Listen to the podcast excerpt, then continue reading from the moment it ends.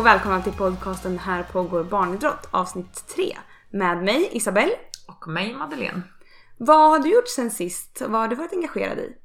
Jag har varit eh, på Riksidrottsforum i Falun för två veckor sedan. Och eh, jag är ju engagerad i Volleybollförbundet så eh, då får jag äran att åka upp dit för deras räkning. Härligt! Vad Har du några nyheter som du vill dela med dig till oss? Ja men det man går igenom på Riksidrottsforum är ju strategiska vägval för eh, den nya strategin. Så eh, mycket handlade ju om ja, men vilka vägar vi ska eh, ta här nu fram till 2025. Och eh, det man gör är ju att eh, det vi kommer fram till, det lägger man fram som ett förslag till eh, riksidrottsmötet i Karlstad i maj. Bra, det är viktigt med sådana här forum och att eh, diskuteras på riksnivå. Och så att vi också kan dela med oss och sprida ut till barn och ungdomsidrottsföreningar. Så är det ju och det var ju också en sak som vi diskuterade väldigt mycket under, eh, under de här två dagarna. Att eh, vi kan ju sitta här och, och, bestämma och besluta och diskutera men det som kommer att bli viktigt eh, framöver det är att det sipprar ner på föreningen också för det är de som bedriver verksamheter ute och Eh, får inte vi ner det vi beslutar om så blir det väldigt svårt att leva upp till strategin också. Mm. Och det är ju därför bland annat som vi har den här podden. För att kunna sprida strategin och andra bra att ha tips för hur man kan bedriva barn och ungdomsidrott. Och vi vill ju även ha input av er som lyssnar. Och vi har ju ett återkommande, en återkommande punkt varje avsnitt som heter Dilemmat. Där du som lyssnar kan skicka in ett dilemma som du har i din förening eller som har hänt inom idrotten. Och det skickar du till vår adress podd.olif.se podd olif.se. Idag så ska vi ju prata med vem då? Carolina Klyft har vi här som på besök. Eh, så det ska bli väldigt spännande att höra vad hennes syn är på både barn och ungdomsidrott och ledarskap. Och eh, hennes karriär i stort. Mm, för det som eh, egentligen de flesta undersökningar visar ju att eh, barn och ungdomar de börjar med idrott för att det är roligt och de fortsätter för att det är roligt. Och eh, därför tyckte vi att det var, passade väldigt bra att ta in Carolina för att hon just är en person som alltid har sagt att glädje, det är det som eh, jag drivs av. Så um, ja, det kommer bli jättekul att mm. höra vad hon säger om just glädje inom idrotten. Precis, hon verkar ha haft väldigt roligt under hela sin karriär faktiskt. Ska vi ta och höra vad Carolina har att dela med sig av? Det gör vi.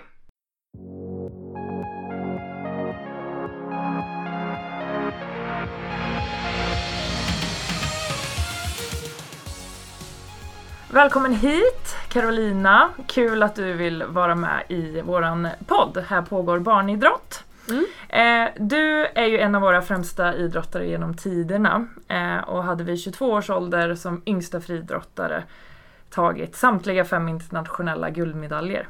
Nu är det faktiskt inte det vi ska prata om idag eh, utan eh, vi ska prata om eh, Lite ur din nya bok, eh, Livet är en sjukamp, eh, som handlar om dig, din karriär och livet i stort. Så det känns eh, jättekul att ha dig här. Tack så mycket. Det ska bli jätteroligt det här. Mm. Verkligen. Kan du berätta lite om dig själv och vad du gör idag? Jag slutade ju med elitidrott för eh, fyra år sedan och sedan dess har jag hunnit prova på allt möjligt. Eh, dels har jag pluggat lite och jag har jobbat med massa olika grejer tänkte jag säga. Mm, dels har jag föreläst en del och eh, jag sitter i styrelsen på Naturskyddsföreningen och jag har också då nu skrivit en bok och sen jobbar jag sedan 1 september med Kronprinsessparets stiftelse och ett projekt som heter Generation Pep eller GemPep som handlar om barn och ungas hälsa. Eh, både vad det gäller fysisk rörelse och eh, hälsosammare matvanor. Så det känns eh, jättekul att få göra helt nya saker.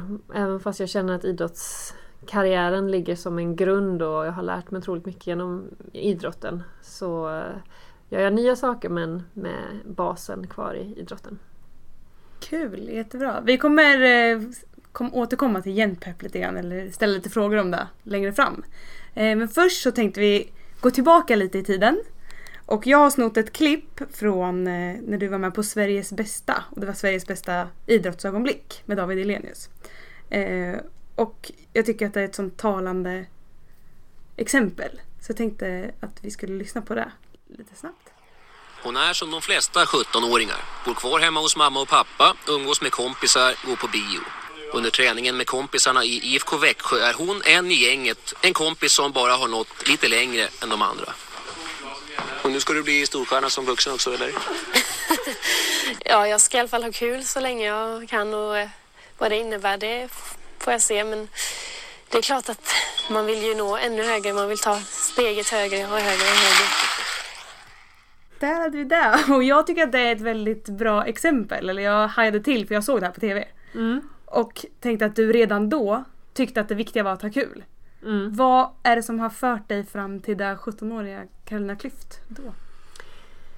Jag tror för mig så blev idrotten, eh, det var så mycket förknippat med glädje. Jag eh, hade en tuff tid i skolan, eh, en termin i sexan där jag var lite retad i skolan. Det var inte den, den, alltså, absolut...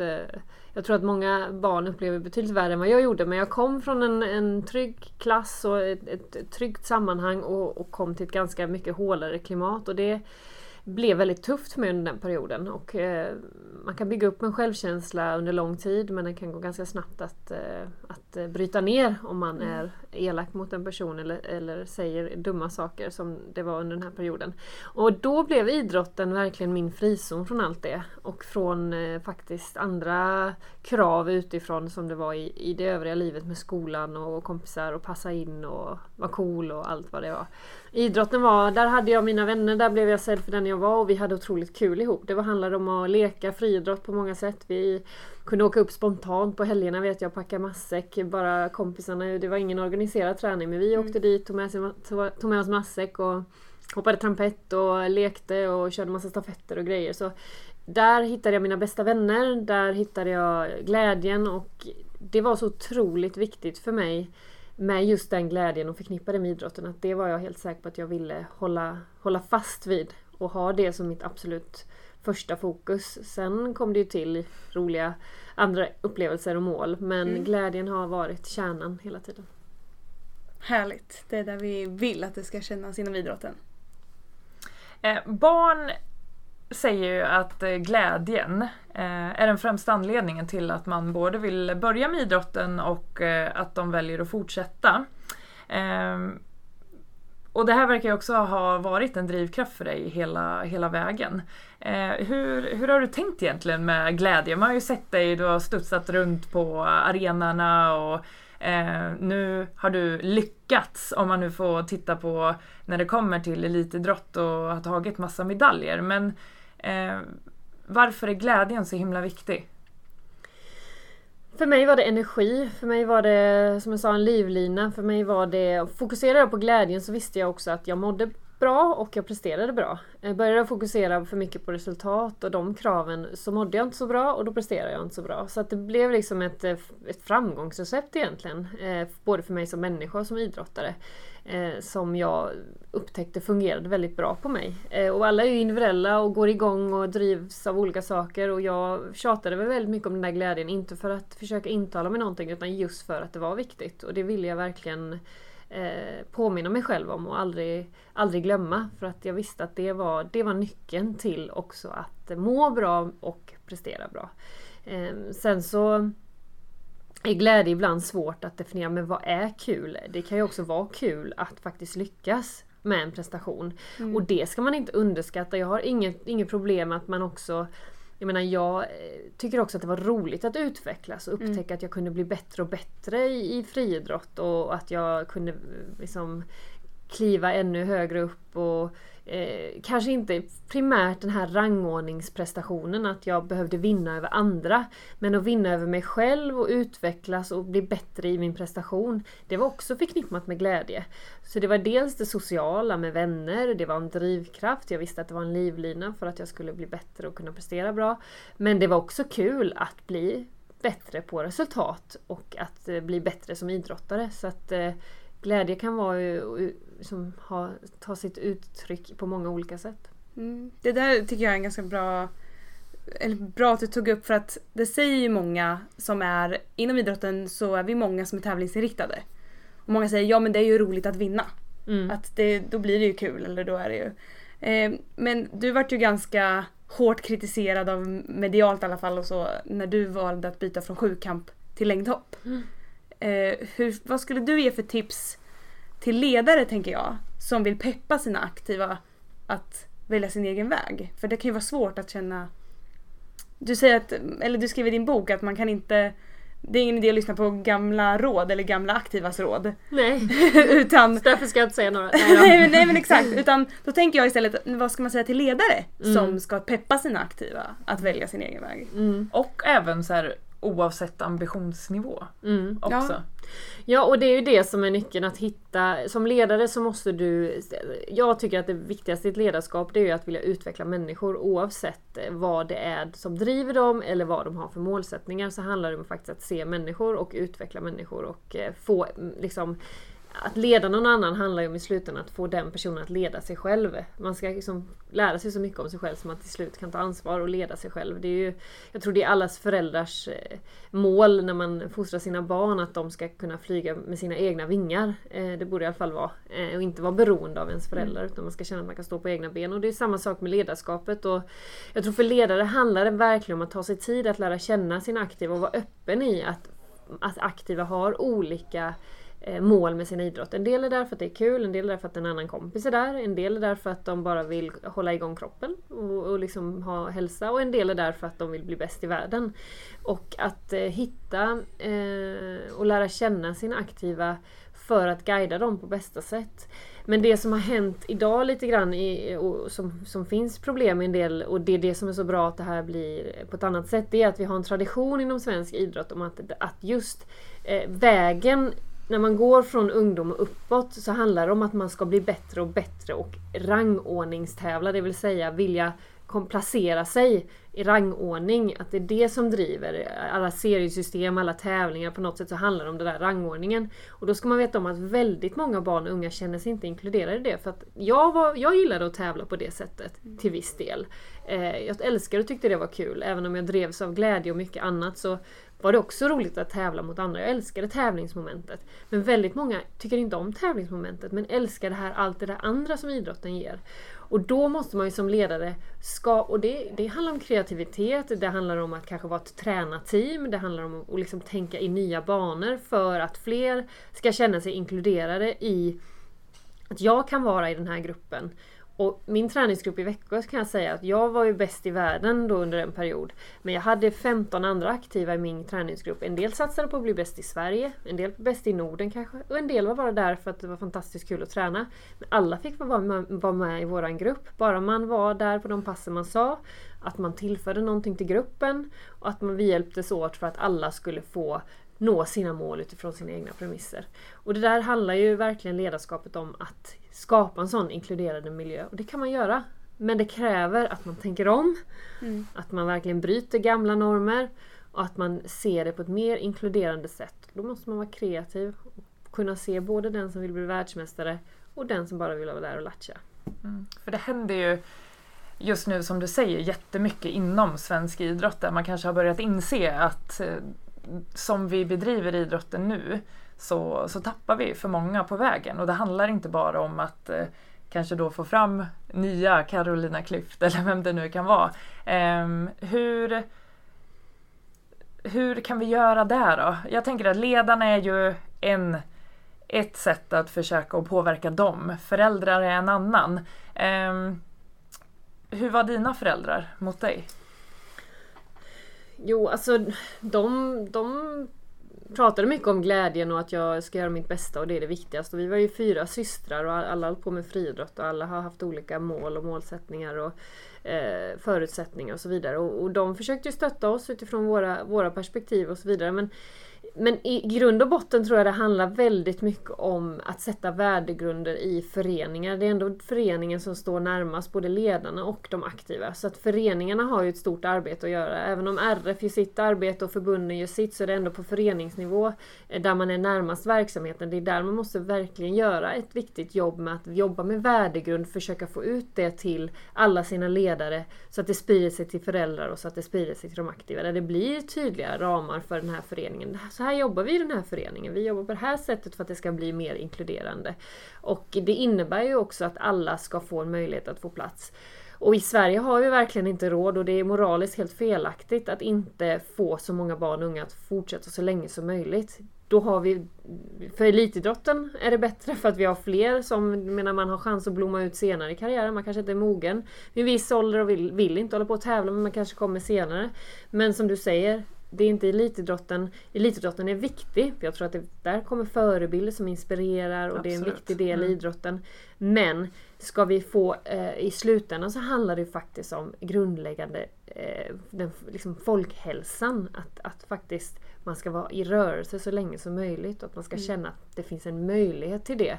Utan att man gillar att tävla i den bemärkelsen som vi så länge traditionellt sett ser på tävling. Utan mer utifrån sitt eget perspektiv, att själv gå framåt, att utvecklas, att få förbättra sin egen prestation utifrån sig själv och inte alltid i jämförelsen med andra.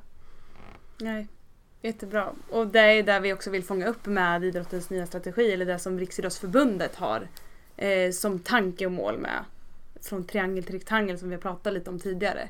Eh, I alla fall i första avsnittet i den här podden. Ja, och det är ju jättebra att RF verkligen gör det här arbetet. Mm. För det är ju där det finns resurser och kraft att verkligen ta ett stort omtag och försöka få ut, få ut det här på brett över hela idrottsrörelsen i Sverige. Men sen är det som sagt upp till liksom, föreningar och individer och ledare och alla att faktiskt anamma detta. Och det, jag tycker det är otroligt eh, kul att se att stora förbund, eh, jag såg Skånes idrottsförbund tar nu en riktigt stor satsning kring detta och vill verkligen få ut det här på eh, liksom i sin, sin region. Att det, att det verkligen sipprar ner också. För att är det något som idrottsrörelsen är fantastisk på så är det ju engagemanget och den här folkrörelsekänslan. Där man når alla oavsett vem man är. Eh, eller det är i alla fall målet och det vi Mm. måste hela tiden ha som mål. Eh, och där har man en otrolig möjlighet som, med idrotten. Men då måste man jobba eh, från liksom lägsta nivå med individer och känna, få liksom få alla olika individer, var man än bor, vem man än är, var man än kommer ifrån, vad man än vill med sin idrott, att känna sig inkluderade. Och sen vara med på att det kommer ta lite tid också. Absolut. Alltså en förändring är ju också, nu är det strategin är tänkt att vara fram till 2025 men det kommer ju att ta tid och ha lite tålamod i det eh, kommer vara jätteviktigt också. Absolut. Och, men jag tycker det är jättebra att det finns ett tydligt mål. Eh, och att riktningen, man har satt ut riktningen och sen kommer resan dit eh, vara upp och ner och hit och dit och brokig och ibland motstånd och ibland lätt och så vidare. Men att man åtminstone har påbörjat den här processen innebär att folk blir medvetna om frågan. Att föreningar och förbund och alla som jobbar inom idrotten eh, förstår att ja, men det, det, det är hit vi är på väg. Och en del kommer streta emot. Eh, alldeles säkert. Men är det tillräckligt många som förstår vikten av det här och går tillsammans så tror jag att de som stretar emot kommer bli färre och färre. Det hoppas vi. Lite kopplat till det här med att välja som vi pratade om innan och även det här med värdegrund i en förening och att man har en samsyn. Eh, så har vi ett dilemma. Den här, eh, eller ja, det har vi i varje avsnitt. Men ett dilemma som är lite kopplat till det, det här Mm. avsnittet. Så jag tänker läsa upp det vi har fått in. Mm. Och så hoppas vi att du kan svara så gott du kan. Eh, Hej, jag är 16 år och tränar friidrott. Under detta år har jag tagit ett stort steg framåt i utvecklingen och känner att jag verkligen vill satsa på friidrotten.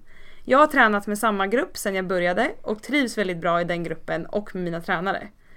Nu har jag börjat få mycket positiv feedback och konstruktiva tips som jag inte fått tidigare från den äldre gruppens tränare. Detta gör att jag börjar tappa tilltro till att jag ska kunna utvecklas mer i min nuvarande grupp eh, med mina nu, nuvarande tränare. Eh, borde jag byta träningsgrupp och tränare till den äldre gruppen för att kunna utvecklas ännu mer? Eller ska jag vara kvar i den grupp som jag alltid varit med och där jag trivs med både tränare och kamrater? Ja, det är en väldigt svår fråga och eh, jag skulle absolut inte sitta här och kunna ge ett svar på det utan det är klart att den här personen själv måste känna efter. Men vad jag kan säga är att det är väldigt viktigt att man eh, tittar på vart man vill nå. Eh, om man utgår från sin målsättning och vad man vill nå så är det så att man också behöver skapa förutsättningar för att nå dit. Och ibland innebär det obekväma beslut som kanske gör att eh, det kan kännas jobbigt och tufft men som man vet någonstans innerst inne är den rätta vägen att gå. Jag kan ge ett exempel på det när jag själv var 16 år gammal och började på friidrottsgymnasiet och hade en hög förväntan på när de tränarna som jag fick där att de skulle vara eh, väldigt bra och väldigt eh, strukturerade och veta exakt vad jag skulle göra för att bli bättre i, på friidrott. Det blev inte så för mig och redan tidigt, efter bara några månader, så känner jag i magen att det här, den här miljön kommer inte ta mig eh, närmare dit jag vill och stimulerar inte mig och dessutom tappade jag faktiskt lite glädje. Nu verkar ju den här personen trivas väldigt bra i den gruppen. Jag trivs bra i min grupp men inte så bra med den tränaren som jag hade. Men jag kände någonstans att det här rimmar inte med dit jag vill och på det sättet jag vill idrotta. Och det fanns också ett alternativ för mig med den tränaren som jag då valde att gå till. Där jag såg att det fanns det här som jag sökte med mycket engagemang och driv och en bra struktur framåt. Eh, och jag valde att byta. Eh, och det var tufft då. Jag var ung och eh, tog det här beslutet och den här tränaren blev ganska besviken på mig. Jag drog också med mig de andra i gruppen så de också bytte vilket blev också tufft för den här tränaren och han var besviken på mig flera år efter. Men till syvende och sist så var det ändå viktigast att jag kände i magen att jag gör det som är bäst för min idrott.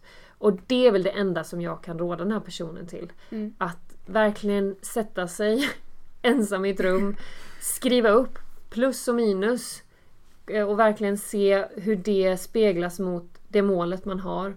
Och det är ändå så att våga fatta ett beslut och våga göra någonting. Eh, det innebär inte att det är ristat i sten. Utan känner man att man men det här blev inte riktigt bra så kan man alltid ändra sig igen. Man kan alltid byta tillbaka. Eh, så eh, jag tycker, men jag tycker att magkänslan ska få avgöra och mm. man ska inte behöva känna att eh, tar man ett beslut så behöver inte det innebära att någonting är för evigt utan då kan man ändra sig igen. Dilemman är ju dilemman av en anledning höll jag på att säga. Men, men det är jättebra tips även till en tränare där det kanske är någon som börjar vackla eller fundera i de här banorna som har en aktiv som funderar i de här banorna. Ja, att ge tips som tränare till den adepten eller den spelaren eller vad man håller på med för sport. Problemet ibland är ju att det finns en del prestige bland tränare och det skulle man önska eh, att det kunde bli mindre av. Att tränare kunde jobba mer i team i en förening eller tillsammans eh, och att mer kunna förstå vad man eh, fyller bäst funktion. Det kanske mm. är på ungdomsnivå eller så är det på lite äldre ba eller barn eller så är det på äldre ungdomar eller så är det på elitaktiva och så vidare. Och där man i, på något sätt kan ta hjälp av varandra för tränare besitter en så otrolig kompetens. Och jag tror att skulle de samarbeta mer och lägga undan prestige och känna att man kan hjälpas åt bättre och slussa idrottare vidare när man känner att Även fast man är duktig och tycker att man har bra kompetens så kanske man helt enkelt inte passar med den personen rent personkemimässigt och då mm. kanske det är vettiga att ja, men du borde nog testa den här gruppen, jag tror det skulle vara ännu bättre för dig. Och att se den aktivas bästa in, före sitt eget bästa. Mm. Vi hoppas Jättebra. att eh, att eh, personen blir nöjd med, med svaret. Ja, det var mm. ett långt kanske för snurrigt svar men det är Nej, det som tror sagt jag inte. Jag tror man kan plocka att, bo, godbitarna. Ja, vi hoppas mm. det. Mm.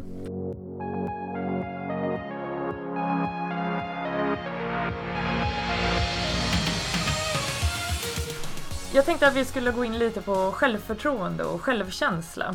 Ehm, jag är själv tränare och märker lite, speciellt bland tjejer, att att eh, självkänsla och självförtroende eh, är ganska lågt. Eh, och vitsen med hela att gå från triangel till rektangel är ju att vi vill vara så många som möjligt, så länge som möjligt, i så bra verksamhet som möjligt. Eh, hur skulle du säga att du har jobbat med din självkänsla och ditt självförtroende under, under din karriär som idrottare? Det har jag gjort väldigt mycket. Eh, för att jag förstod att det var väldigt viktigt också att lära mig framförallt att skilja på de där två. Eh, jag tror det är svårt ibland att förstå skillnaden. Att självförtroende är mer kopplat till det man gör och det kan vara väldigt situationsspecifikt. Man kan ha bra självförtroende i eh, stöta kula men dåligt mm. självförtroende på höjd. Eh, och så var det för mig också som idrottare. Att jag, kula hade jag inte så jättebra självförtroende i för att jag hade mycket svårare för det. Men däremot höjdhopp kunde jag, det liksom hade jag hoppat sedan jag var liten och hade mycket bättre självförtroende i. Men ska jag stärka mitt självförtroende så måste jag träna på kula om och om igen. Träna, träna, träna. Ju mer jag tränar desto mer kan jag höja mitt självförtroende i det jag gör. Självkänslan däremot den bär jag ju med mig oavsett om jag hoppar höjd eller, eller eh, stöter kula. Den, den finns med mig hela tiden för det är ju mer bilden jag har om mig själv som människa. Och den har jag ju med mig oavsett vad jag gör. Och den är ju lite klurigare att jobba med för den kräver lite mer tid och tålamod. Eh, den kräver att man går lite mer på djupet i sig själv och börjar tänka lite mer på vad man står för, vilka värderingar man har, vilka handlingar man brukar göra och vad man, vad man har för egenskaper och så vidare. Eh, och vara lite grann vad man baserar sin självkänsla på. För baserar man den väldigt mycket på sina prestationer så finns det risk att den svajar ganska mycket när prestationerna uteblir. Då tycker man plötsligt att man inte duger. Ehm, och jag jobbade mycket på det för att eh, inte bli lika med mina prestationer. Jag blev väldigt håsad ett tag och eh, blev ju liksom, vann guld, guld, guld. Och det var ju lätt att tro att jag bara var guld värd, om man får säga så. Mm. Eh, men vad händer om guldet inte kom då? Den tanken var jag ändå tvungen att tänka. Vad händer om jag nu inte tar guld? Är jag inte, är jag inte värd lika mycket nu då? Är jag en värdelös person om jag misslyckas? Nej, det är jag ju inte. Och det där var jag ju tvungen att jobba med, att koppla bort. Försöka så mycket som möjligt att frigöra min självkänsla från mina prestationer. Det gör man inte till 100%, det är jättesvårt men att göra det så mycket som möjligt så att jag vet att oavsett om jag misslyckas eller inte så, så har jag samma bild av mig själv som människa och jag tycker inte att jag är värdelös. Eh, och det, det, kräver arbete och det är också någonting man måste eh, hålla vid liv. Mm. Jag har ju jobbat på det här sedan och nu har jag hittat väldigt tydliga strategier och känner mig väldigt trygg med mig själv. Men det kan ändå hända saker. Det räcker att någon säger någonting eh, tufft eller hårt eller man får en... Så, så, kan, så kan det där raseras. Så det gäller också att, att jobba på det och hålla det det är en färskvara som man måste jobba på. Ja, verkligen. Kan du ge något eh, tips? Du säger att du har hittat lite så strategier. Kan du ge något tips för att stärka både, alltså, kanske framförallt självförtroende? För jag tänker att i Alltså det vi verkligen skulle kunna jobba med det är att stärka självförtroendet i vissa moment för idrottare som alltså både har en hög ambitionsnivå eller som bara vill vara där för att ha kul och att man så att säga du blir glad av att eh, kunna prestera och utvecklas. Mm, alltså självförtroendet mm. är den enkla delen. Mm. Det är ju mm. träna på det man vill mm. ha bättre självförtroende i. Jag menar jag har inte jättebra självförtroende i att laga mat.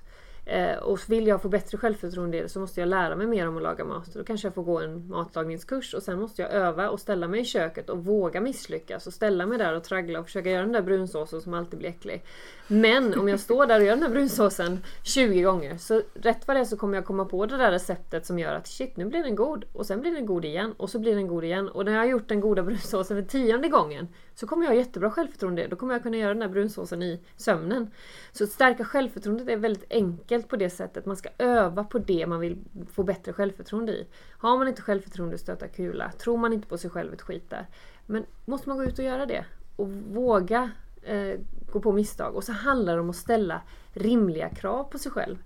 Att ofta ställer man för höga krav på sig själv och då, vad händer då om man ställer för höga krav? Det är ju liksom, det är uppbyggt för att misslyckas. För att kravet är för högt ställt.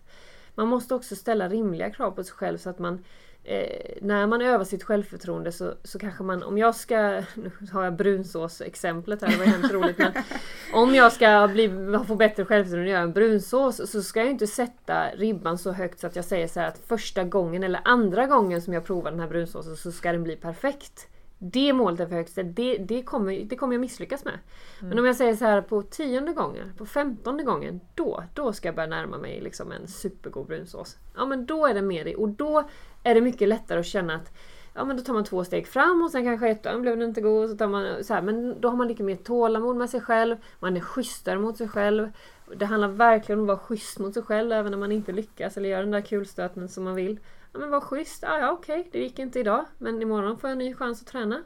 Eh, och någonstans där framme så kommer jag få bättre självförtroende. Mm. Men öva det som man vill bli bättre på och det som man vill ha bättre självförtroende mm. Hur, eh, hur kan vi jobba med att inte tänka att misslyckande är just ett misslyckande? Det påminner hela tiden om att alla lärdomar oavsett om de är goda eller om de är dåliga är en vinst i en lärdom. Det, och det är så tänkte jag och det, och det får man bara det måste man bara påminna sig själv om hela tiden. När man, upp, när man stöter på problem, när man upp, liksom, någonting är tufft eller man stöter på en motgång. Men det här är en dold seger, det är en dold lärdom. Även om det känns tufft nu så kommer det, det kommer ge mig någonting sen. Det innebär inte att allt som händer som är tråkigt har en mening. Eh, jag tror inte att det liksom är skrivet i en bok innan vad som ska hända oss. Men när tuffa saker händer så kan man i efterhand hitta någonting som man kan ta med sig från det. Så att det är bara göra om det där ordet. Misslyckande finns inte utan det heter lärdom eller eh, utveckling. Bra, tack. Vi eh, börjar närma oss lite slutet av våran podd, eller vårt avsnitt den här omgången. Eh, Men du sa ju tidigare, eller i inledningen, att idag är du engagerad i Genpep. Mm. Vad gör ni, eller vad jobbar ni med där? Jämpep är ett initiativ som då Kronprinsessparet har startat och eh, det handlar om att vi ska sprida engagemang kring barn och ungas hälsa och göra hälsa mer jämlikt, för det är det inte idag. Eh, Där det då ska bli mer inkluderande, där alla ska känna att man kan röra sig på något sätt. Och det, där går vi ju lite bredare än idrottsrörelsen. Idrottsrörelsen är ju en del i det som är fantastisk, som gör att väldigt många barn och unga rör på sig och kan bli ännu bättre på att inkludera fler som vi varit inne på idag.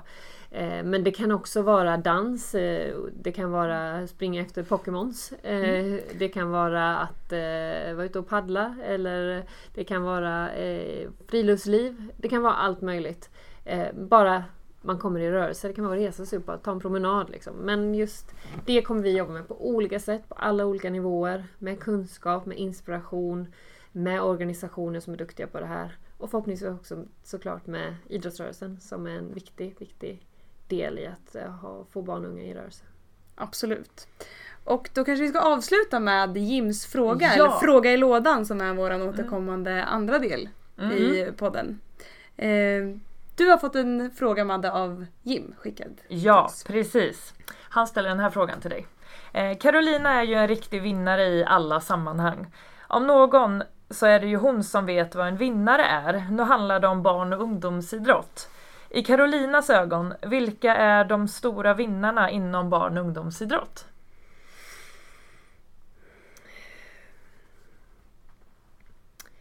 Ja, ehm, genom att säga det så pekar jag också ut ett antal förlorare i så fall, vilket inte känns sådär jätteinkluderande. Men jag tror att vinnarna är ju de som faktiskt eh, får möjligheten att, eh, att idrotta på sina egna premisser och utifrån sina egna förutsättningar och få bli sedda för dem de är. Eh, och eh, alla, lovar jag, känner sig inte som vinnare. Eh, och det är, dit, det är det målet vi måste sätta upp inom idrottsrörelsen, att alla ska känna sig som vinnare. Ehm, många känner sig nog exkluderade, inte välkomna, blir selekterade, blir liksom bortvalda. Ehm, och ehm, jag tror att för att alla ska få den där vinnarkänslan, det handlar inte om att stå högt på prispallen utan det handlar om att få känna, att, få känna att man får vara, får vara med på sina förutsättningar. Bra, jag hoppas att eh, Jim Turesson är nöjd med Mm, det hoppas vi. Ja. Ehm, tack så mycket Carolina för att du ville vara med i eh, våran podd. Tack, tack. Och eh, vi har ju faktiskt eh, ett avsnitt framför oss också. Ja. Ehm, vem är det som ska vara med då? Ungdomsbarometern kör vi med då. Så det ser vi fram emot att få höra lite om dels lite statistik. Hur ser det ut i idrottssverige bland barn och unga idag? Mm. Och lite andra delar som ni får se fram emot. Precis. Mm. Så vi hoppas att eh, ni vill eh, hänga med då. Ja. Ha det så bra så länge och tack igen Carolina. Tack! Tack så mycket. Ja. Hej då!